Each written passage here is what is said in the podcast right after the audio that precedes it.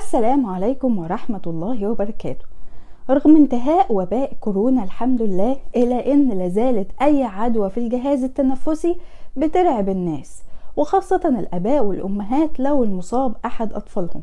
ورغم توفر الفحص السريع لفيروس كورونا المستجد إلا أن مش كل الناس بتقدر تعمله مع كل إصابة سواء في أنفسهم أو أطفالهم وبالتالي مش بيقدروا يميزوا دي كورونا ولا برد عادي.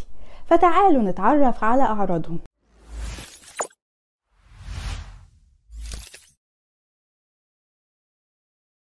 الحقيقة الاتنين بيسببوا في أغلب الحالات احتقان وألم في الحلق رشح وسيلان في الأنف ارتفاع في درجة حرارة الجسم فقدان للشهية إعياء وضعف عام.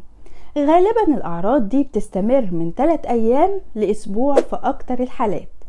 خلوا بالكم. في أعراض معينة لو ظهرت أيا كان الفيروس المسبب لها تستوجب استشارة الطبيب فورا زي الإسهال المستمر عدم القدرة على تناول السوائل بشكل كافي في الأطفال والرضع الجفاف استمرار ارتفاع درجة حرارة الجسم أكتر من 3 أيام صعوبة في التنفس أو أي تغير في درجة وعي المريض.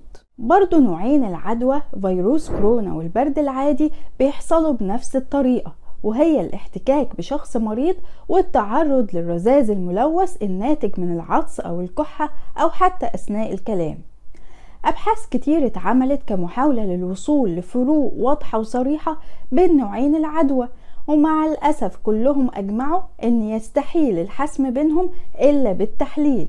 لكن ممكن نخمن بدون تأكيد من خلال بعض الأعراض زي مثلا فقدان حستي الشم والتذوق.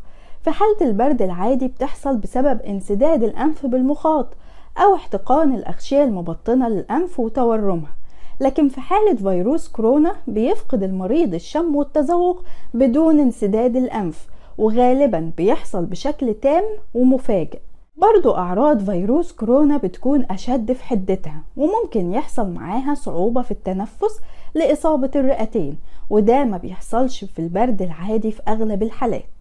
من مميزات فيروس كورونا برضو إن الأعراض عادة بتاخد وقت أطول على ما تظهر بعد التعرض للشخص المصاب ممكن توصل ل 14 يوم في بعض الحالات عكس البرد العادي ممكن يظهر في خلال 24 ساعة من التعرض وطبعا استمرار الأعراض بيكون لفترة أطول عند مرضى الكورونا وفي بعض الحالات بتوصل لشهور.